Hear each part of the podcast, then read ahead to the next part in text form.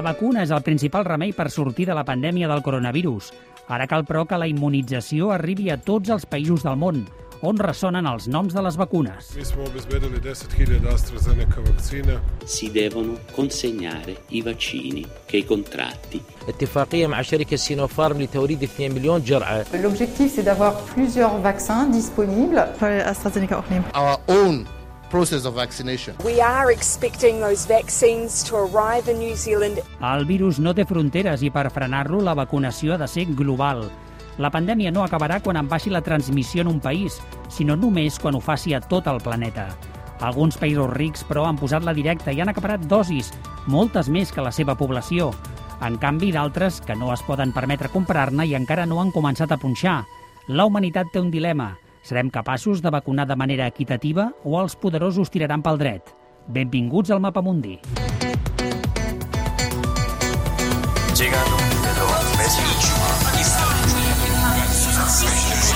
Mapamundi, el podcast per saber què passa al món. Amb Quim Olivares. This is not a matter of charity, it's a matter of epidemiology. Unless we end the pandemic everywhere, we will not end it anywhere. És Tedros Adhanom. Diu que no és una qüestió de caritat, és una qüestió d'epidemiologia. Si no acabem la pandèmia a tot arreu, no l'acabarem en lloc. Té raó el director general de l'OMS? Sí, clar que té raó, perquè no aconseguirem recuperar la mobilitat, no aconseguirem que s'obrin les fronteres, no aconseguirem que pugui haver un flux de eh, persones. Rafael Vilasan Juan, director d'anàlisi i desenvolupament de l'Institut de Salut Global de Barcelona, expert en plans de vacunació. És membre de la Junta de Gavi, l'Aliança Global per la Vacunació que a la vegada impulsa COVAX, la iniciativa que ha de fer possible que la vacuna arribi als països de renda mitjana i baixa. Pensem una cosa, si aquí, a Catalunya, eh, vacunem al 70, però al Marroc no, no en tenim ni un 10% vacunat, o a Amèrica Llatina no en tenim ni un 10% vacunat, no podem portar, no podem anar, no podem viatjar, no podem fer negoci, no podem recuperar un ritme normal de vida. Però, clar, si s'ha aconseguit la vacuna contra la Covid-19 en un temps rècord, que això sí que s'ha aconseguit, i ara cal produir-la a gran escala i fer-la arribar a tot el món, al món som 7.800 milions de persones. Com aconseguir-ho? Bueno, això és una cosa que s'ha discutit molt, no? I pensem una cosa, abans de que comencés el Covid, el món fabricada produ produïa aproximadament 2.500 milions de vacunes. No? Aquestes vacunes són pel sarampió, per la vacuna del pneumococ, eh, la vacuna de la meningitis... Són vacunes que fan falta exactament igual, perquè si deixéssim de vacunar d'això tindríem un altre problema, no? que seria la resistència de tots aquests eh, altres eh, eh, virus i, i bacteris circulant arreu del món.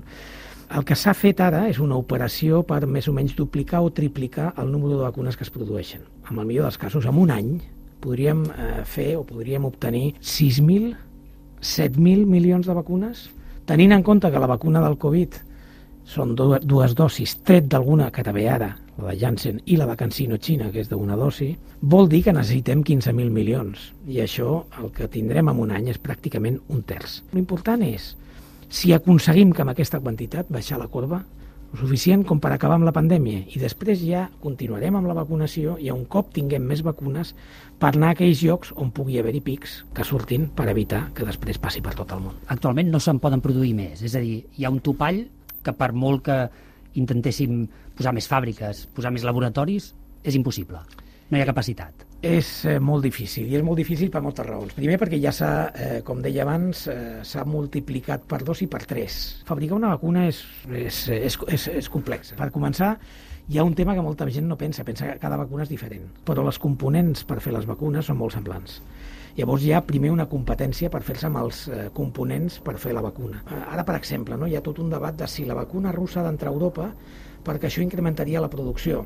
Bé, aquesta no ha de ser la raó, perquè en tant en quant s'incrementi la producció de la russa, baixarà la producció d'una altra vacuna, aquí a Europa. El mateix passa arreu del món. Hi ha una part de components, hi ha una part de fàbriques, és a dir, podem fer més s'han fet més fàbriques. Els Estats Units va llançar l'operació World Speed, que vol dir com operació velocitat de la llum, una cosa d'aquestes, que vol dir posar a la indústria, als militars, a l'acadèmia, als centres de recerca, tots junts, a produir. A Europa és una mica diferent. Què s'està fent? Per incrementar la producció, s'estan fent acords entre laboratoris. Em deixes al teu laboratori, jo faig amb tu, perquè tinc la confiança de donar-te el meu coneixement perquè la produeixis tu. Ara el que s'ha fet és posar a produir el màxim possible I això ens està donant un 30% de la humanitat, no més. Llavors, anem molt ràpid, però tenim molta pressa. Vaccine, vaccine, vaccine, vaccine. I'm begging of you, please don't hesitate. Vaccine, vaccine, vaccine, vaccine. Cause once you're dead, then that's a bit too late. Mapamundi. Hem parlat amb Jaime Atienza, que és responsable de finançament internacional i deute d'Oxfam, un dels participants de la iniciativa The People's Vaccine. Li preguntàvem quines conseqüències té que alguns estats hagin anat per lliure i hagin signat acords bilaterals amb las farmacéuticas. Las compañías cobran precios más altos a los clientes que compran menos producto y no discriminan si son clientes que son países en desarrollo o no. Y como el mecanismo COVAX, que como digo es una iniciativa de cooperación muy importante, no permite adelantarse a, o adelantar a otros en esta larga fila por el consumo de las vacunas, pues algunos países están yendo por libre, están comprando vacunas a precios carísimos y hemos leído los ejemplos de Uganda o los ejemplos de Sudáfrica. Toda esta situación a lo que está dando lugar es a una especie de primero guerra nacionalista por conseguir que las vacunas se queden en el territorio de cada uno de los países y da igual lo que pase en otros lugares y nos estamos encontrando con esta especie de carrera frenética contra el reloj para intentar repartir una producción que sencillamente és insuficiente. Està clar que hi esteu d'acord, no? Almenys amb aquesta última part, no? No, no, estem totalment d'acord amb moltes de les coses que, que, que està dient el Jaime Atienza. És a dir, aquí s'ha obert una línia de negociació bilateral per, eh, per sobre del que significa el COVAX. Això és una pràctica, d'alguna manera, eh, lògica, quan tu saps, estàs en un país, eh, imagina't que ets el president de Zàmbia, no? I dius, escolta'm, jo tinc un problema. Jo sé que la iniciativa COVAX, que aquest és l'objectiu de COVAX aquest any, és arribar al 20% de la meva població. Però és que jo tinc el 100% de la meva població que m'està demanant vacunes, o el 80% o el 70%, què faig? I aquí és on comença una geopolítica absolutament nova, on la vacuna s'ha convertit en la principal eina d'intercanvi geopolític entre, entre potències. Era evident que Xina volia estar a Àfrica i ja està. Era evident també que Rússia no estava tan present a Rússia, o com a mínim no segons a quins països de Latinoamèrica, i que ara ha començat a entrar. No? Per exemple, Argentina té la vacuna la vacuna russa com la té Mèxic i per tant s'està reubicant una mica la geopolítica en funció d'aquestes negociacions bilaterals. Però COVAX, en aquest sentit, és tan clar com impotent. No podrà portar, o no podrem portar, perquè jo estic al comitè de direcció de Gavi, no podrem portar més d'un 20% aquest any. És a dir, nosaltres no farem aquests anuncis d'arribarem al 70%, no, no.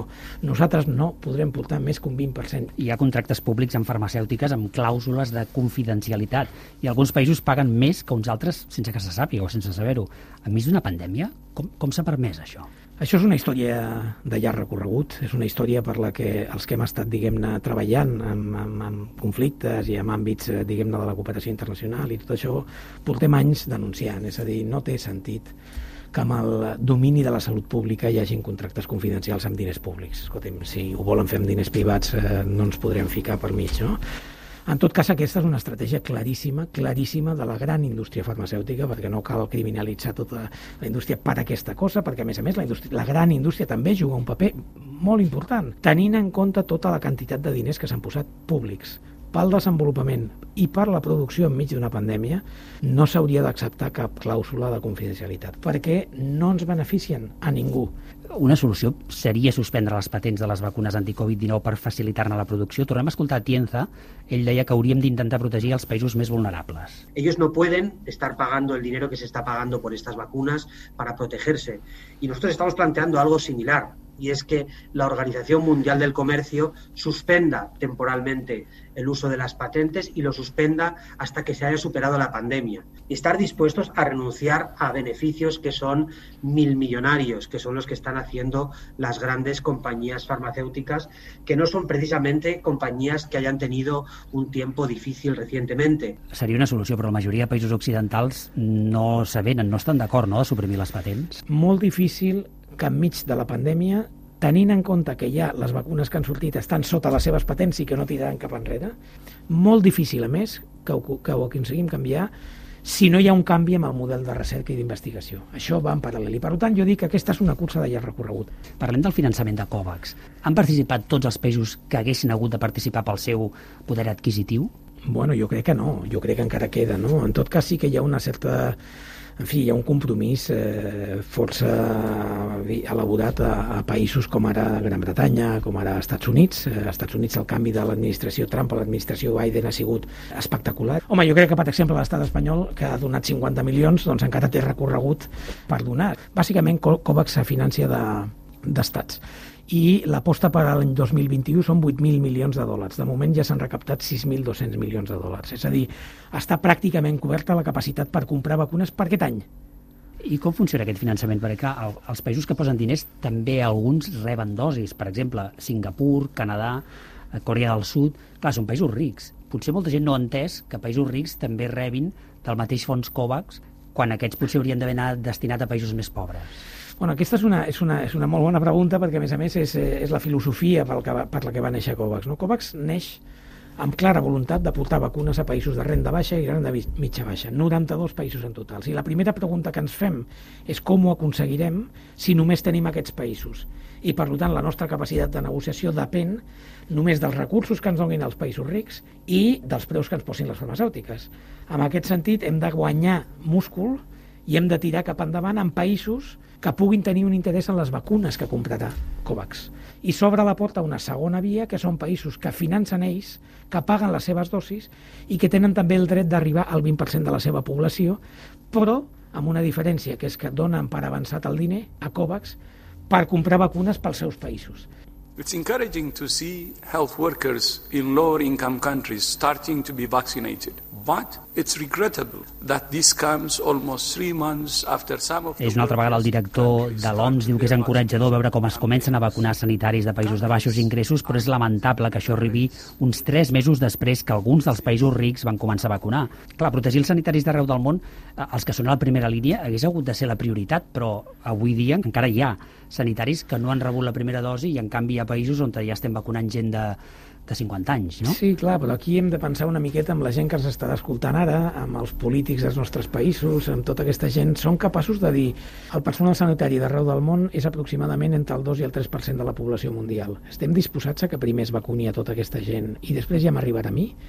Llavors, eh, com que els pactes no s'han fet així, si s'ha comprat per un costat, el que tenim són una sèrie de vacunes bàsicament totes les occidentals, que ja estan precomprades amb tota la seva capacitat de producció d'aquí als propers dos anys, i una sèrie de vacunes, la xinesa, la russa, la índia, de barat, en fi, tota una sèrie de, de vacunes que tenen una certa producció, una certa capacitat per anar tirant cap a aquests països. Llavors aquí és on s'està jugant, diguem-ne, aquesta geopolítica per un costat, aquí és on COVAX està intentar, intentant pressionar per tenir vacunes el més aviat possible per tota aquesta gent.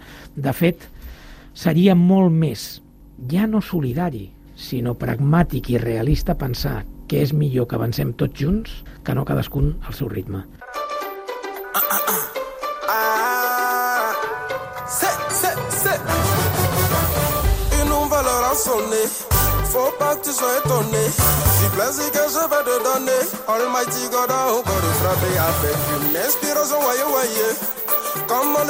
Ici chez nous. Au son de musique, tu vas bouger. Mama Africa. El continent africà a la cua amb vacunacions al món ha estat el primer de rebre dosis enviades per la plataforma COVAX.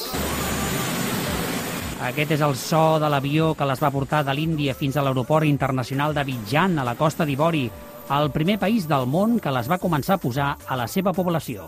Si el vaccin arriba, c'est un reconfort, un soulagement. Aquest és un mestre iborià. Poc després de vacunar-se deia que se sentia reconfortat i alleugerit i que la vacuna tindrà una repercussió social perquè el país ara funciona al ralentí i tot està aturat. La periodista Gemma Parellada va ser a Abidjan quan van arribar aquestes vacunes i ara és a Lagos, a Nigèria, on també hi han arribat. Benvinguda al Mapamundi, Gemma Parellada. Moltes gràcies. Eh, què et deia la gent amb qui vas parlar a la Costa d'Ivori de l'arribada d'aquestes vacunes, Gemma? Bé, doncs a Costa d'Ivori hi ha una mica una, una, una barreja de, de sensacions i de percepcions també, perquè penseu que Costa d'Ivori és un dels països on menys ha afectat eh, la Covid de, de tot Àfrica i de tot el món, que la sensació del carrer és com que, com que aquesta malaltia ja no ha, no ha agafat al país. Ells consideren que ja tenen, tenim moltíssima malària, hi ha tifus, hi ha VIH, i que el Covid com que no hi arriba a cabre no? amb, aquest, amb aquesta barreja de, de malalties. Llavors, de cara a les vacunes, com que aquesta percepció del, de la pandèmia és, és molt diferent que la que, la que s'està vivint a, a Europa, doncs l'arribada de les vacunes s'ha viscut d'una banda doncs, amb un petit sector amb, molta il·lusió per dir, bueno, per una vegada el país té accés a vacunes i gratuïtes, però hi ha molta gent que diguem-ne que no li ha afectat gaire i que fins i tot no se n'acaba de refiar perquè diuen ara ens arriben aquests, aquests, aquestes vacunes des de, des de fora que en realitat no acabem de necessitar i que no sabem quins són els efectes secundaris ni, ni què poden provocar. No? Però, evidentment, dins de, hi ha, hi ha un un sector, sobretot el sector sanitari, on que les vacunes han sigut molt benvingudes. Eh, és, el, és el cas, per exemple, d'aquesta infermera de, de Bitjan. Escoltem-la. Nous espérons que la cadence va s'augmenter. Nous invitons les, la, la population à venir se faire vacciner parce que se, va, se faire vacciner convida, de fet, a la població a anar-se a vacunar massa perquè diu que és la manera de trencar la cadena de, de transmissió i diu que espera també que n'arribin més de vacunes. A Lagos, a Nigèria, on ets ara, una de les ciutats més poblades de l'Àfrica, també els ha arribat les dosis de COVAX. Eh, quin ambient t'hi has trobat aquí a Nigèria? Sí, aquí també han arribat. Aquí la sensació és una mica diferent, bastant diferent de la de, la de Costa d'Ivori, perquè mm, aquí, per exemple, el confinament va ser duríssim, una mica com, com va passar a Sud-àfrica. El cas és que aquí el, el, ha moltíssima part de la població que es va quedar sense feina i llavors literalment eh, sense menjar. La desconfiança, sobretot el que va relacionat amb les vacunes, és que aquí creuen que tot va relacionat amb, amb corrupció i que tot és una, una espècie de maniobra dels polítics i dels poderosos per, per guanyar molts diners. Mm. Has parlat de Sud-àfrica, tu ja has viscut molts anys en aquest país, allà també han començat la campanya nacional de vacunació. La percepció a Sud-àfrica eh, de la pandèmia és, és diferent que, per exemple, la que hi ha a Costa d'Ivori o a Nigèria? Totalment. Sud-àfrica és, és el país més afectat, amb, amb moltíssima diferència. Segueix sent el gran focus del, de coronavirus de, de tot el continent. I allà sí que, mm, sí, bueno, allà jo, jo m'hi vaig quedar atrapada. De fet, és on vaig passar tot el, tot el confinament i tota la part més, més dura de, de la pandèmia. I allà sí que les vacunes s'han rebut amb els, amb els braços oberts. Pensem que ells estan posant una miqueta tota l'experiència que han tingut amb altres malalties, amb altres pandèmies, amb altres lluites contra malalties que han afectat molt a la població l'estan posant tota aquesta experiència al servei de la lluita contra, contra la Covid. Eh, des d'Europa, ja moltes vegades tenim una imatge esbiaixada de moltes parts de l'Àfrica. A Ghana, que va ser el primer país a rebre les vacunes de COVAX, els ha agafat preparats per vacunar amb el material que els ha arribat? Estan, estan a punt? De fet, si, si es va triar Ghana i Costa d'Ivori, com els primers països COVAX de tot el món en rebre vacunes és justament perquè s'ha considerat que tenen les estructures més preparades per poder reaccionar molt ràpid. De fet, a Costa d'Ivori, per exemple, van arribar un divendres i el dilluns ja estaven vacunant. A Ghana, pràcticament el mateix, en menys d'una setmana ja s'havia engegat la campanya de vacunació. Pensem que aquí, eh, en aquest continent, hem hagut de, de lluitar contra moltíssimes eh, malalties de dimensions enormes, sense anar gaire més lluny. Recordem l'ebola, que va afectar a Àfrica de l'Oest, aquí hi ha tots uns sistemes ja no només sanitaris, sinó també comunitaris i s'han après moltíssimes lliçons tant de, tant de la bola com de, bueno, com, com de la malària, com del VIH, no només de, amb les reaccions sanitàries, sinó també amb les reaccions comunitàries. Gemma Parellada, des de Lagos, a Nigèria. Moltes gràcies. Una abraçada africana. Moltes gràcies. Una abraçada. Adéu. Mapa Mundi el podcast per saber què passa al món. Acabem de parlar de Costa d'Ivori, de Nigèria, de Ghana i de Sud-àfrica. Rafael Vila San Juan, què, què han hagut de presentar els països que han rebut vacunes gratuïtes de COVAX? En principi el que, el que han de presentar és una capacitat del sistema sanitari i manteniment de tot el que signifiquen les condicions logístiques de la pròpia vacuna. Cadenes de fred, eh, perquè encara que no siguin les de Pfizer o Moderna, que requereixen cadenes d'ultrafred, però tota la resta de vacunes requereix cadenes de fred. De neveres de platja, però és igual, cadenes de fred. S'ha de tenir un personal de la, del Ministeri de Sanitat eh, destinat a, a poder fer aquesta vacunació, s'ha de tenir grups de gent que fagin el rastreig, tenir-ho ja preparat i, i, i fet, de, de forma que quan arribin les vacunes no es triguin i es passin tres mesos en un, en un magatzem a la capital, perquè si no, per això ja la portem a un altre país, perquè el que volem és que la gent es vacuni. No? My name is Elton John. The more people in society that get vaccinated, the more chance there is of eradicating the national COVID pandemic. And as you can see, I'm still standing. Yeah, yeah, yeah. Bé, l'heu endevinat, és Elton John en una campanya per la sanitat pública britànica encoratjant els ciutadans britànics, en aquest cas, a vacunar-se. Hi ha alguna temença que, que arribin les vacunes arreu del món hi hagi molta gent que no, que no es vulgui vacunar? Bueno, hi ha països eh, tradicionalment molt, molt, molt, eh, amb, amb un pes negacionista molt gran. Eh? Per exemple, l'Índia. Curiosament és el, país, el primer productor mundial de vacunes del món. De qualitat. Aquí, eh, a Catalunya, a Espanya, no hi ha un problema de negacionisme. No n'hi ha és a dir, n'hi ha molta gent que rebutja la vacuna. És un exercici d'irresponsabilitat, perquè la vacuna és un dret individual però una responsabilitat col·lectiva. El fet de que jo no em vacuni és un fet egoista perquè jo m'estic beneficiant de que tu t'hagis vacunat. Veuries bé que hi haguessin restriccions per aquells que no s'han posat la vacuna a l'hora de viatjar, per exemple, sabem que en alguns països, si per exemple vols entrar i no estàs vacunat de la febre groga, no et deixen entrar. Això seria una possibilitat? Serà una possibilitat. És a dir, això no dubtem, eh, es començaria a imposar d'aquí poc. No? El que passa és que seria una barbaritat si es fes quan hi ha gent que no té accés a la vacuna. És a dir, seria el passar a utilitzar la vacuna com un criteri de discriminació ciutadana. Tu tens un dret, jo no tinc un dret perquè tu t'ha tocat i a mi no m'ha tocat. De fet, els països que estan més avançats en vacunació ja estan dient que volen un carnet per saber si tu arribes al 70% de la teva població penses que el virus ja té una tassa d'incidència que està baixant, amb uns nivells eh, molt baixos, i al mateix temps tens països que no ho fan, el que voldràs estar segur que els que entrin no et portin virus nous o no et portin el propi virus que podria eh, desactivar l'efecte de la vacunació que has fet al teu país. Per tant, jo dic, s'imposaran, que no ho dubti ningú. Bloomberg pronosticava que, que seguint el ritme actual de vacunació trigarem 7 anys perquè tots els països del món vacunin el 75% de la seva població.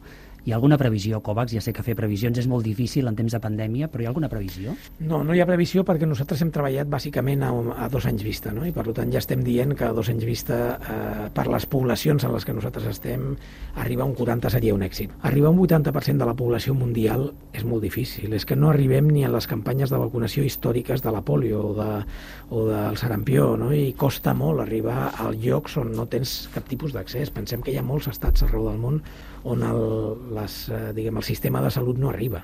I, per tant, quan parlem del 80% de la població mundial, tenint en compte que no s'hi arriben ni els aliments, de fet, si aconseguim arribar al 20% de població aquest any, baixarem moltíssim l'epidèmia, però moltíssim.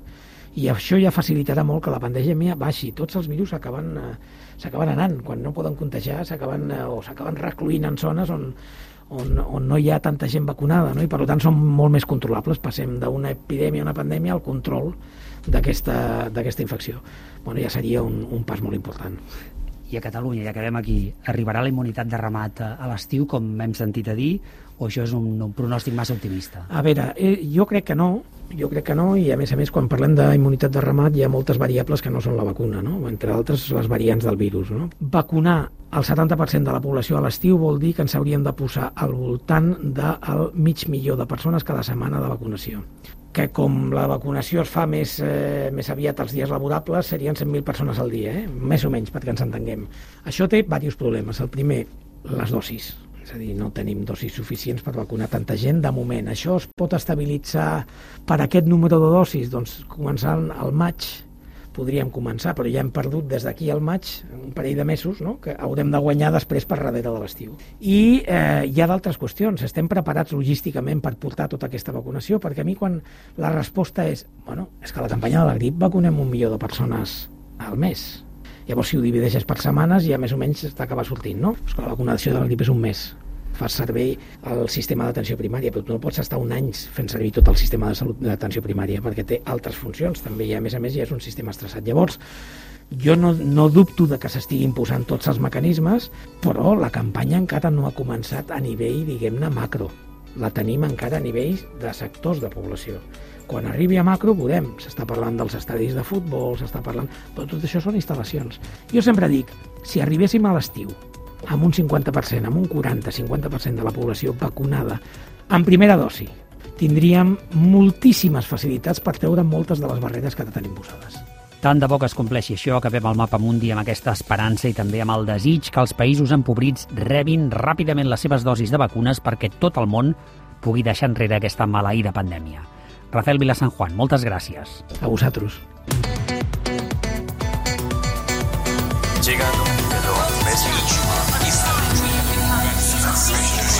Mapa Mundi, el podcast per saber què passa al món.